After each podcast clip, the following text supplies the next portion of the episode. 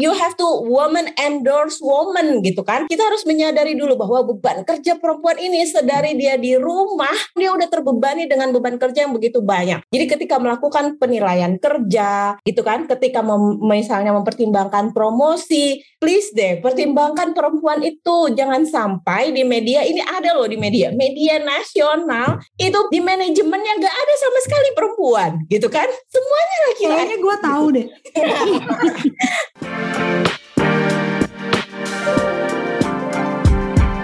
Hai sahabat TCID, kalian sedang mendengarkan podcast Suara Akademia, ngobrol seru isu terkini bareng akademisi. Untuk memperingati Hari Internasional mengakhiri impunitas kejahatan terhadap jurnalis pada 2 November, pada episode ini kami ngobrol dengan Ika Karlina Idris, Associate Professor dari Monash University Indonesia, dan Eli Zarni, pemegang gelar doktor dari Ohio University dan pengurus lembaga swadaya masyarakat yang bergerak di bidang perempuan Bejoh di Aceh, yang belum lama ini meluncurkan riset tentang kepemimpinan perempuan di industri media Indonesia dan segala tantangan yang mereka hadapi. Diskusi ini dipandu oleh Kepala Editorial TCID Ika Krismantari.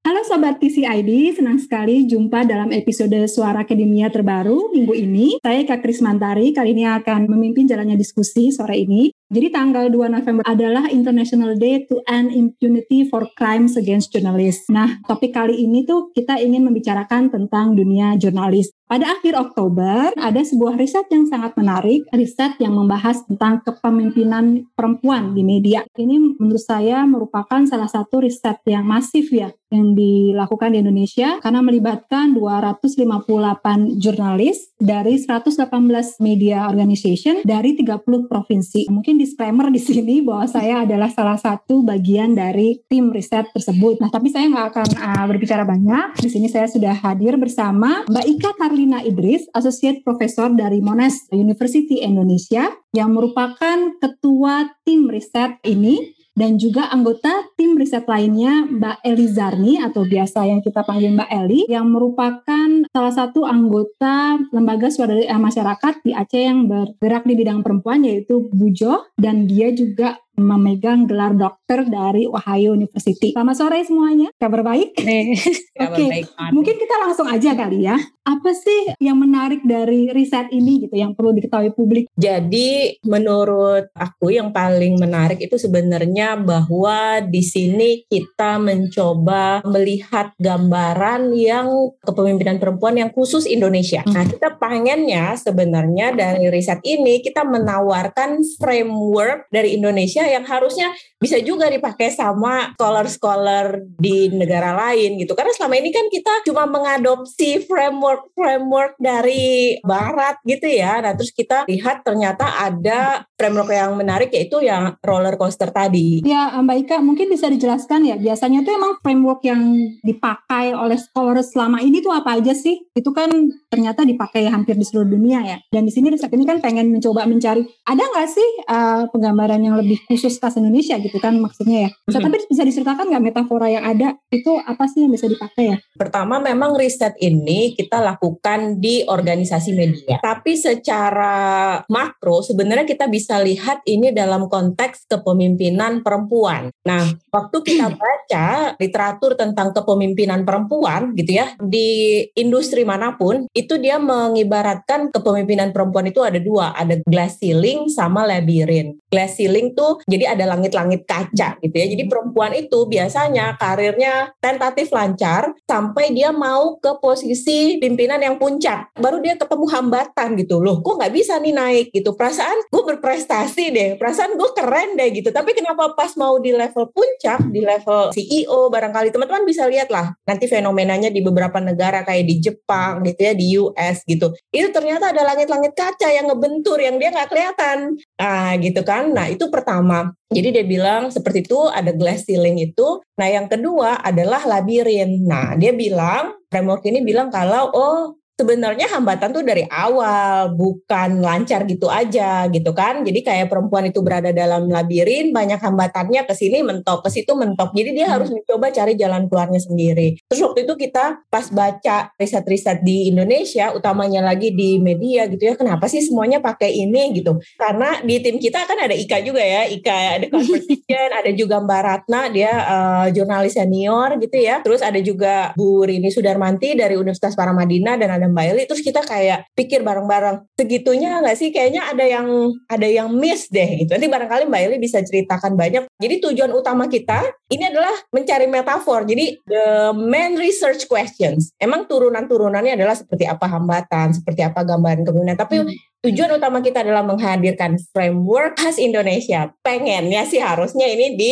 diadopsi juga syukur-syukur dipakai sama scholar-scholar di negara lain gitu ya. Tapi memang tadi yang metafora glass ceiling dan labyrinth itu memang khusus di industri media ya, menggambarkan industri media ya pada umumnya ya. Uh, enggak, enggak, enggak. Sebenarnya oh. itu juga menggambarkan kepemimpinan perempuan. Oh, Jadi, di semua organisasi gitu. Semua organisasi, di semua industri. Okay. Tapi karena kita ambil case-nya waktu itu di organisasi media, karena kita bekerja sama-sama PPMN yang memang fokus di pengembangan hmm. media, jadi kita ngambil case-nya sebenarnya di media. Tapi ini adalah gambaran umum kepemimpinan perempuan. Nah, ini kalau perempuan-perempuan harusnya udah nggak nih. Eh, nanti kalau di perjalanan karirnya akan seperti ini. Tapi tenang kita bawa nafas-nafas yang optimis. Nanti boleh dari. Oke, okay. aku mau tanya ke Mbak Eli nih. Tadi kan hmm. katanya temuannya mungkin kayak kemudian kayak membuka mata ya bahwa ternyata metafora ini yang selama ini dipakai itu kan nggak cocok ya sebenarnya gitu kan. Dan Mbak Eli ini kan salah satu yang menurut saya menarik ya. Salah satu yang menarik dari riset ini adalah kita menggunakan uh, berbagai macam metode ya, termasuk autoetnografi. Okay. Mungkin Mbak Eli bisa ceritakan dan apa ya temuan yang menarik Mbak, yang kemudian akhirnya kayak wah ini emang metaforanya nggak cocok nih yang yang udah dipakai banyak colors gitu dan kemudian akhirnya menemukan metafora roller coaster ini gitu. Mungkin bisa diceritakan Mbak Eli, mungkin dari oh. metode autoetnografi itu apa sih gitu? Sebenarnya uh, yang diceritakan Mbak Ika tadi nyambung ya yang yang ada di pikiran saya. Ketika saya gabung dengan riset ini kan saya bukan orang media ya, tapi saya banyak sekali teman-teman jurnalis perempuan yang sangat hebat. Jadi ketika Mbak Ika bilang, oh ini ada framework, mari kita baca sama-sama. Kayaknya nggak saya temukan di dunia nyata teman-teman saya saya yang bekerja di media. Misalnya ada Mbak Ika sendiri dan saya sekarang kenal dengan Mbak Ika Krismantari, perempuan-perempuan tangguh. Jadi nggak cocok ya kayaknya kita di labirin atau glass ceiling itu ya. Ada banyak sekali permasalahan atau perjuangan perempuan uh, di Indonesia yang harus dipublikasi. Jadi story-story kecil ini bisa mengcounter yang namanya salah satu gerakan feminisme barat misalnya yang menganggap itu perempuan di negara ketiga apalagi kita ya negara mayoritas Islam ya apa kita tertindas apalagi dengan perempuan yang melihat simbol kita pakai jilbab mereka tidak berdaya mereka tidak cerdas tidak kompeten. Jadi dengan ada kita angkat story-story perempuan kan uh, riset kita menariknya nggak hanya terpaku di satu daerah ya kita seluruh Indonesia. Dan begitu juga nggak media kecil aja tapi media besar dan media baru berkembang semua media kita masukin. Jadi saya sendiri melihat dengan munculnya cerita-cerita di lapangan ini memberi warna baru dalam kita mendefinisikan arti kepemimpinan yang dulu dianggap sebagai perempuan Indonesia mungkin identiknya patriarki tertindas tapi ya. ini loh story kita gitu. Ya. Eh Mbak Eli, aku boleh hmm. uh, di-share dong mungkin satu dua story yang benar-benar menunjukkan ketangguhan pemimpinan perempuan jadi media. Boleh share dong? Ya,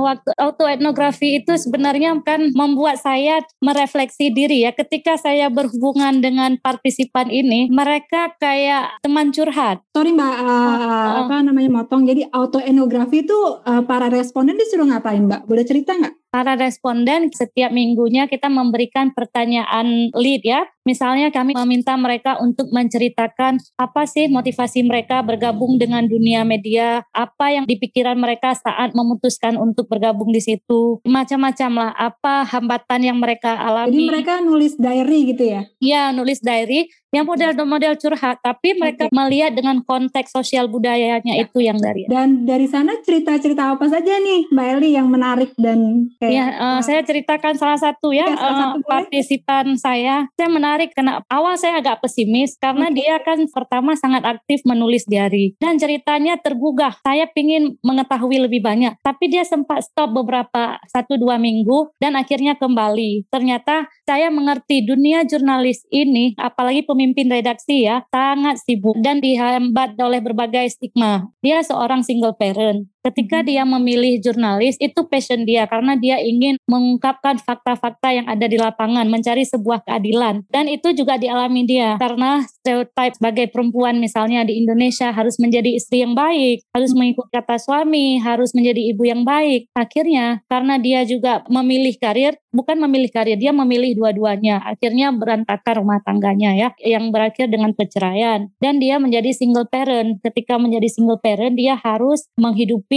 orang tuanya dan anaknya. Dan hmm. kemudian anaknya ini dititipkan ke orang tuanya. Hmm. Tapi di masyarakat dia dianggap ibu tidak baik, yeah. tidak bisa melayani suami yang akhirnya berakhir dengan cerai. Yang ketiga adalah ketika dia pulang malam tidak bisa ikut kegiatan masyarakat, dia dianggap pekerja malam. Oh. Jadi banyak sekali stigma dari perempuan oh. pekerja media ini yang artinya masyarakat belum tahu jam kantor pekerja media. Masih minim sekali pengetahuan masyarakat ya. Terus kalau dari kisah orang ini berarti cara dia fight itu gimana mbak? Dia juga ya. ungkapkan nggak di buku diarinya dia? Iya dia ungkapkan cara dia fight ya kayak Mbak Ika Idris bilang tadi dia mengumpamakan dirinya sebagai roller coaster. Ah. Dia uh, iya dia ketika rel itu sampai dia menjadi pemimpin redaksi ya tapi dia tidak pernah stop. Stigma-stigma ah. ini dia ambil dia pahami dia beri pelajaran-pelajaran misalnya dengan masyarakat dia beri apa pendidikan-pendidikan secara personal dengan melalui tulisan mereka bahwa yang dia kerjakan itu adalah menghadirkan berita-berita yang kredibel buat masyarakat dan pekerjaannya adalah pekerjaan kemanusiaan.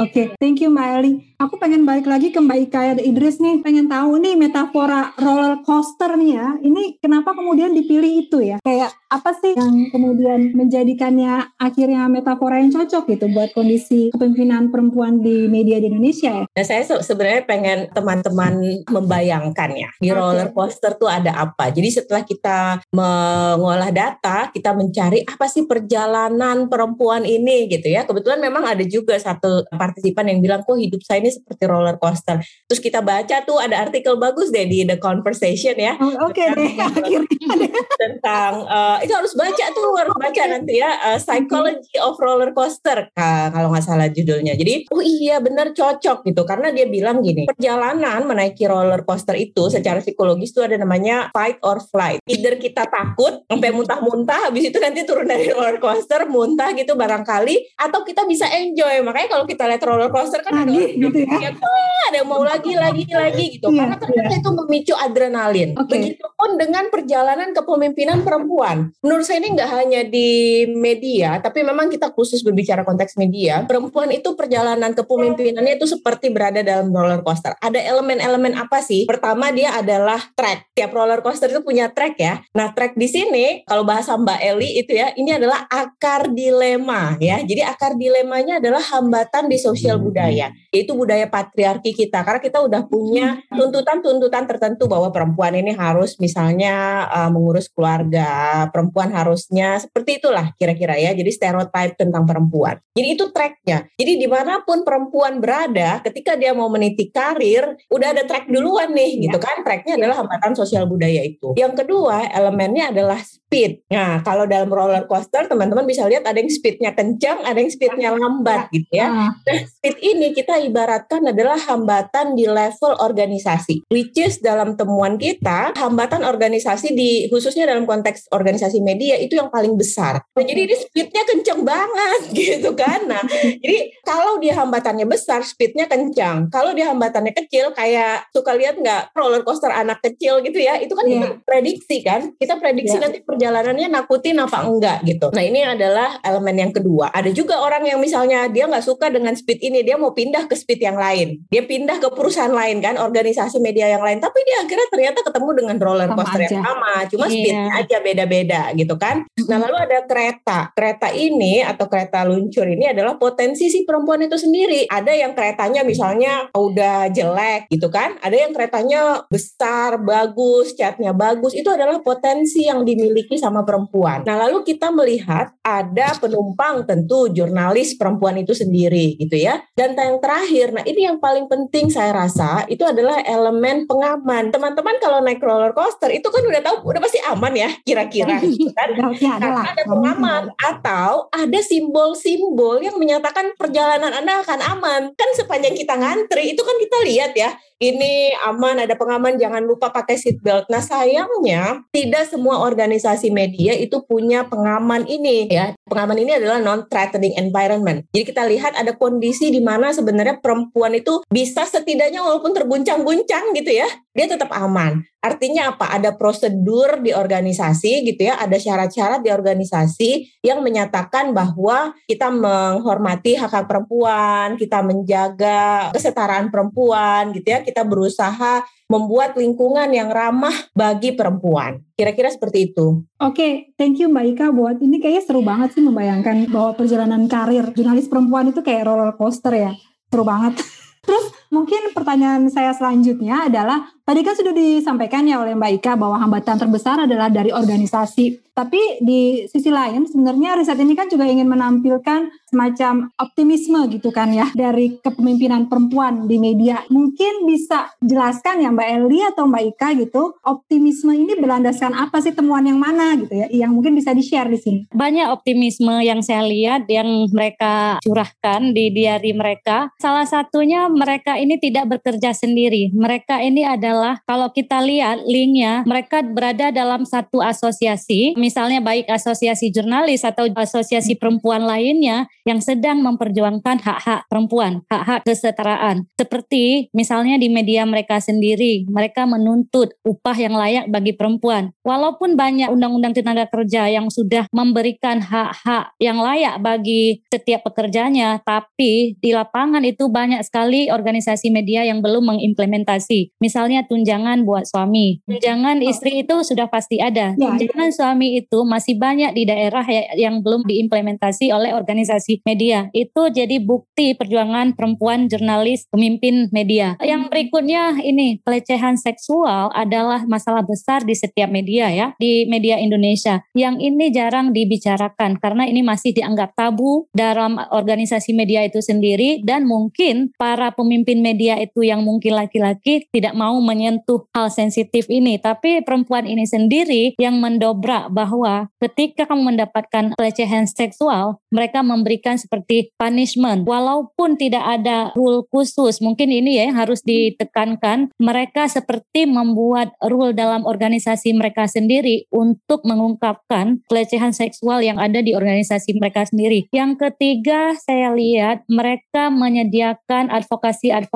seperti tempat aman bagi perempuan yang ingin menyusui, yang perempuan yang ingin membawa anak. Karena pekerja media ini mereka memberikan ruang bagi perempuan untuk perempuan itu menyusui ya. Jadi menyediakan tempat yang layak, ruang laktasi dan menyediakan transportasi antar jemput yang kemudian memberikan peluang lebih kepada jurnalis perempuan untuk meningkatkan kapasitas. Yang menarik sekali adalah banyak sekali riset-riset kita hanya memberikan ayo dong kasih lagi pelatihan bagi perempuan jurnalis perempuan. Tapi masalahnya bukan di situ. Masalahnya jurnalis laki-laki ini yang nggak ngerti gender conscious business. Jadi kalau kita misalnya terus memberikan pendidikan-pendidikan politik dari perempuan, which is okay, jadi mereka me, uh, apa memberikan rekomendasi setiap media ini di internal sendiri harus ada gender consciousness karena mostly itu pemimpin media laki-laki itu tidak berperspektif ya? gender. Hmm, okay, oke okay. ada PR besar berarti di sana ya. Ah yang menarik lagi saya juga mungkin ya dengar dari salah satunya mungkin the conversation ya menarik sekali ya mungkin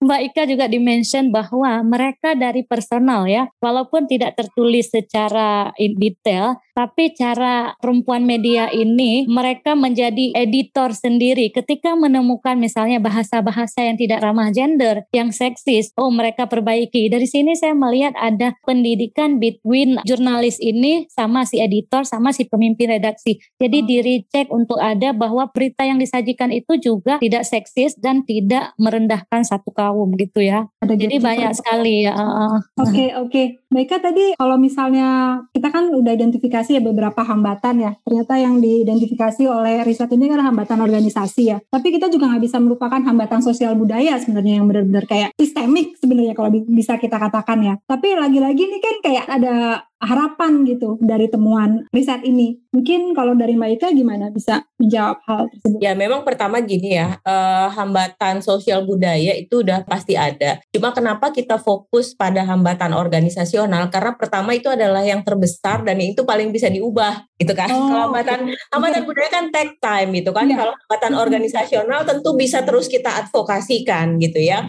Yang menarik melanjutkan dari Mbak Eli. Nah ini mungkin pendengar perempuan boleh berpikir gaya kepemimpinan Anda itu seperti apa? Jadi ada okay teori ini ada tiga gaya kepemimpinan. Pertama transaksional, uh-huh. pemimpin yang selesai kerja udah gitu ya, udah uh-huh. selesai kerja pulang gitu ya.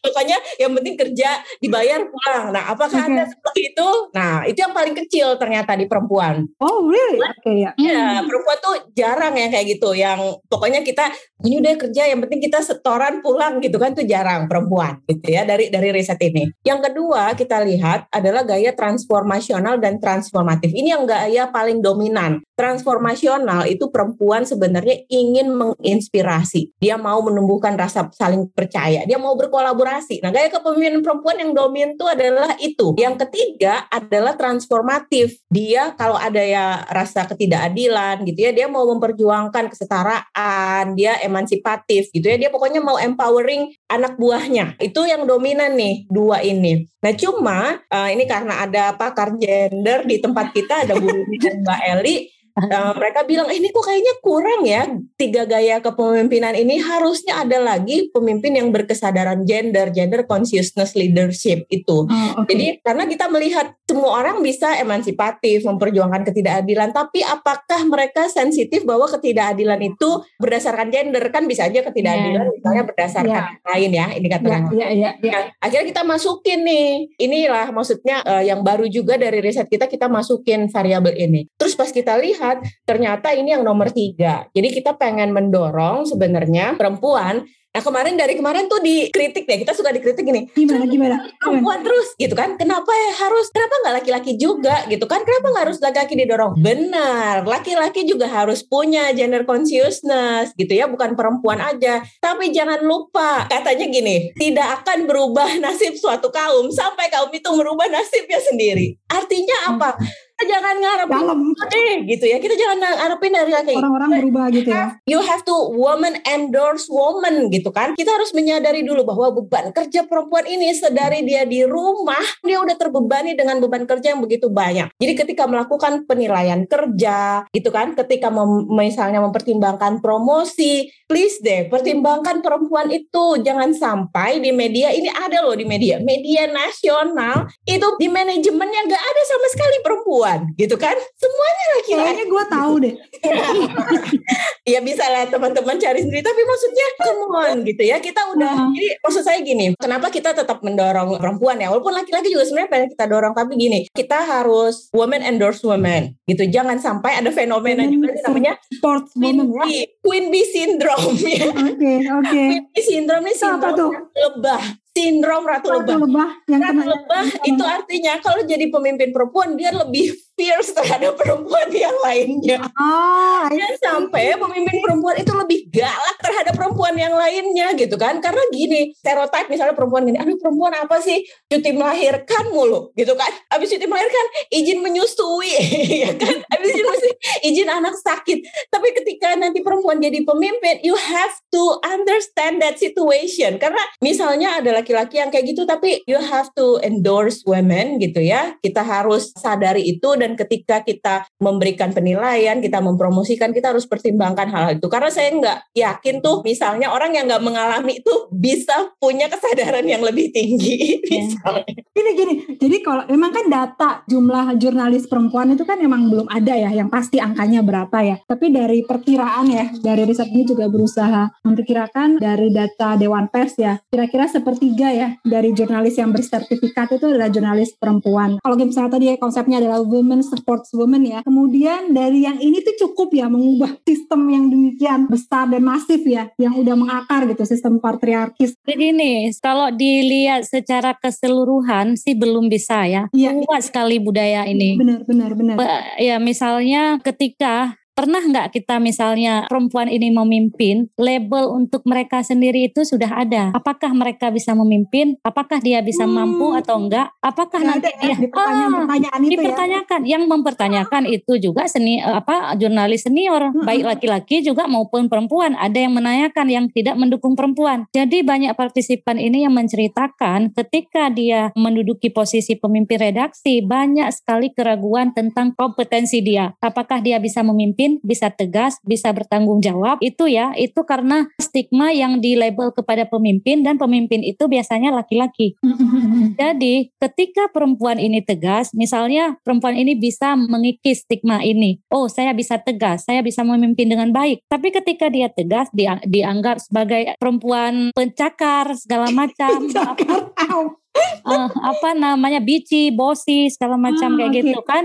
Macam-macam sekali eh, yang ini. Dan kesempatan ini juga nggak terlalu banyak bagi perempuan untuk menduduki posisi ya. Karena kecuali ada yang meninggal pemimpin redaksinya atau emang ada di organisasi misalnya media-media kecil. Mereka masih bilang untuk kuota bagi mereka untuk menjadi pemimpin masih kurang sekali. Dan gini yang menarik sekali ketika di hambatan itu begini. Ada satu pemimpin redaksi yang beberapa sih yang ngomong gini, ketika saya cantik dipermasalahkan. Iya, misalnya begini, dia Iya. sering pakai lipstick, pakai baju Hmm. seksi segala macam. Dan dianggap dia tidak kompeten hanya mengandalkan penampilan untuk melunakkan si narasumber atau melunakkan negosiasi between perusahaan ini dengan perusahaan itu. Bukan kompetensi dia yang dihargai. Padahal dia tidak berbeda dengan pemimpin laki-laki lain. Dan satu lagi cerita di daerah, ketika dia baru menjadi pemimpin redaksi, dia pakai ransel segala macam, baju pendek segala macam. Dia dianggap nggak bisa memimpin karena gayanya yang kayak gitu. Jadi pakaian simbol itu, oh, serba salah jadi perempuan ini. Oke, oke. Thank you Mbak Eli buat deskripsi dari cerita-cerita yang menarik ya dari para responden. Kemudian nih satu yang mungkin saya bisa tanyakan ya bahwa kalau misalnya dari cerita atau dari temuan riset kan yang yang utama bahwa ada memang perjuangan-perjuangan sebenarnya ya pemimpin-pemimpin uh, media yang merupakan jurnalis perempuan nih. Nah saya melihat bahwa kan sebenarnya aku nggak tahu ya seberapa besar anak muda pengen jadi jurnalis ya. Kalau saya lihat mahasiswa saya sih kayaknya nggak tahu, kayaknya nggak nggak banyak yang tertarik jadi wartawan ya. Apakah ini memang ada mungkin salah satu apalagi di kalangan perempuan ya, mahasiswa perempuan ya, itu kayaknya emang agak agak enggan ya untuk masuk ke dunia ini. Gitu. Nah kira-kira dari temuan ini kan sebenarnya ingin menawarkan fakta yang berbeda sebenarnya kan, ya nggak sih? Lebih bahwa nggak seseram itu kok gitu, bahwa ada ada perjuangan-perjuangan di sini juga gitu. Nah yang kemudian memang mendorong kesetaraan gender itu. Mungkin bisa diceritakan ya gimana kemudian dari riset ini bisa diartikan sebagai harapan gitu buat orang-orang yang ingin terjun ke dunia jurnalis gitu gimana ya? Memang kemarin kan ada riset ya yang bilang bahwa misalnya mahasiswi jurnalistik itu uh, kurang minat jadi uh, jurnalis gitu ya. Tapi gini, itu kan sebenarnya risetnya di dua atau tiga universitas ya, kalau saya nggak salah gitu. Nah, sementara dari riset kami itu menemukan, jadi salah satu pertanyaan kami adalah ke jurnalis ini, dalam lima tahun ke depan, apakah Anda masih mau jadi jurnalis? Ternyata jawabannya itu sebagian besar mereka masih mau menjadi jurnalis. Lebih Despite all the ya ha- hambatan-hambatan yang ada ya mereka masih tetap kekeh gitu ya. Yes, 65,11 persen atau 168 dari 258 responden itu bilang dengan kondisi media yang saat ini ya, yang lagi struggling bisnis media di tengah COVID gitu ya, itu mereka bilang saya lima tahun ke depan lagi masih mau jadi jurnalis gitu kan? Itu Menarik, menarik. ya dan ternyata dari segitu sisanya itu yang nggak mau jadi jurnalis ternyata mereka juga tetap mau di bidang misalnya komunikasi. Tapi yang menarik juga banyak juga yang misalnya dia udah mau pensiun gitu kan lima tahun ke depan atau misalnya dia mau sekolah gitu. Jadi bukan dia berhenti sama sekali gitu ya. Nah, tapi yang kita nih, kita, karena kita mau mendorong kepemimpinan perempuan, kita lihat hanya 18,21 persen atau 47 responden itu yang menyebutkan mau di posisi struktural Maksudnya yang punya motivasi untuk menjabat ya. Sedangkan yang lainnya 121 responden ini mau bercita-cita jadi jurnalis tapi fokusnya adalah meningkatkan profesionalisme mereka. Which is good sebenarnya, tapi jangan lupa teman-teman, kita itu juga sebagai perempuan perlu obses sedikit gitu loh maksud saya. Karena kalau kita nggak ada di struktur, gimana Nggak kita bisa tahu apa-apa ya. bah policy organisasi gitu kan. Oke. It's okay kalau Anda mau jadi jurnalis yang tapi nggak apa-apa deh kita bilang pokoknya nanti saya mau jadi pimpinan redaksi karena saya mau bikin Itu penting ya. melahirkan itu lebih gampang gitu kan? Atau saya mau bikin cuti melahirkan itu juga boleh untuk jurnalis laki-laki. Iya dong habis melahirkan. Iya perempuan yang Iya. melahirkan anak sendiri. Harusnya jurnalis laki-laki juga dikasih cuti gitu. Jadi kita eh, menyayangkan itu ya kak. Ada optimisnya tapi kayaknya ini perlu didorong gitu kan? Nah, Hmm. yang menarik adalah gitu ya kita merasa eh, jadi hasil dari survei juga menunjukkan bahwa perempuan ini di awal karirnya nah ini barangkali nggak hanya di jurnalis ya tapi juga di semua level kepemimpinan perempuan itu kurang role model Hmm. karena role model pemimpin itu banyaknya laki-laki gitu ya tapi kalau di Ya. media role model pemimpin perempuan itu banyaknya misalnya presenter TV yang cantik gitu which is nggak salah juga gitu kan tapi kalau kita jurnalis perempuan di daerah kita butuh role model yang memang dekat dengan kita ya kan Hmm. harusnya nih kayak Ika kayak teman-teman di conversation nih yang maju gitu kan jadi kalau Iya. kalau mempromosikan dirinya itu lah. Kenapa perempuan malu mempromosikan dirinya sedangkan laki-laki fine fine aja gitu. Jadi ingat deh kalau anda mempromosikan kompetensi anda sebagai jurnalis gitu ya itu ada juga akan menginspirasi perempuan-perempuan lainnya. Jadi jangan takut karena memang ada kebutuhan untuk itu kak. Jadi ada kebutuhan untuk ada role model itu ya Ya senang juga sih kayak eh, banyak catatan-catatan positif ya dari riset ini sebenarnya ya. Jadi kan tadi kita ngomong tentang perempuan ya, tapi kalau misalnya kita ngomong tentang mahasiswa laki-laki gitu yang pengen jadi jurnalis, berarti ini kan memang gender consciousness itu kan penting ya di Hmm. situ ya berarti ya. Nggak cuma perempuan juga kan, tapi memang apakah kemudian itu memang nilai-nilai yang sudah ditanamkan dari awal gitu, dari mungkin dari kuliah, I don't think so ya. Kalau menurut eh, Mbak Ika dan Mbak Eli gimana? saya sebenarnya mau menambahkan aja gini karena ini kita berada dalam budaya patriarki gitu ya konstruksi-konstruksi tentang perempuan dan laki-laki itu memang udah dari kita kecil. Nah teman-teman baik laki-laki ataupun perempuan ketika menjadi pemimpin gitu ya sadarlah bahwa ada beban ganda yang berbeda. Beban ganda yang berbeda bagi perempuan dan laki-laki. Beban gandanya apa? Perempuan bekerja terus dia juga dituntut di ranah domestik gitu kan. Dia juga dituntut ngurusin keluarganya ketika teman-teman pemimpin yang memiliki gender consciousness itu adalah pemimpin yang sadar adanya perbedaan itu dan tidak ragu-ragu untuk membuat policy gimana agar perbedaan itu semakin tipis. Atau misalnya gini, ketika Anda evaluasi perempuan, jangan cuma dievaluasi apa yang ada di atas kertas. Cari tahu dulu seperti apa latar belakangnya. Kenapa misalnya kalau dia nggak perform, kenapa misalnya dia nggak perform? Apakah segala macam segala macam gitu ya? Dan yang terakhir adalah kalau Anda jadi pemimpin, sudah ada aturan-aturan tentang hak-hak pekerja perempuan. Hak-hak cuti haid, hak-hak melahirkan gitu ya. Cuti melahirkan, jangan dipersulit. Masih ada organisasi yang misalnya cuti haid cuma satu hari, disuruh pula bikin surat izin lagi haid gitu kan. Jadi lagi satu hari itu habis buat ke dokter untuk minta surat izin cuti haid. Udahlah, itu kan memang cuma satu hari, dikasih aja. Itu memang udah aturannya. Jadi Iya. please be conscious terhadap perbedaan-perbedaan ini sehingga juga Anda bisa ikut mengendorse kepemimpinan perempuan. Itu aja barangkali. Oke, thank you uh, Mbak Ika. Kayaknya sudah cukup kayaknya ya. Saya tutup ya episode kali ini menarik sekali sebenarnya pengen ngobrol banyak tapi karena waktu yang terbatas. Jadi sekian dulu episode kali ini. Jangan lupa untuk stay tune di episode Suara Akademia selanjutnya dan jangan lupa juga subscribe akun YouTube kami di Conversation Indonesia dan juga follow akun Instagram, eh, Facebook, Twitter dan juga TikTok di Conversation Indonesia. See you in the next episode of Suara Akademia. Kalian telah mendengarkan podcast Suara Akademia, ngobrol seru isu terkini bareng akademisi.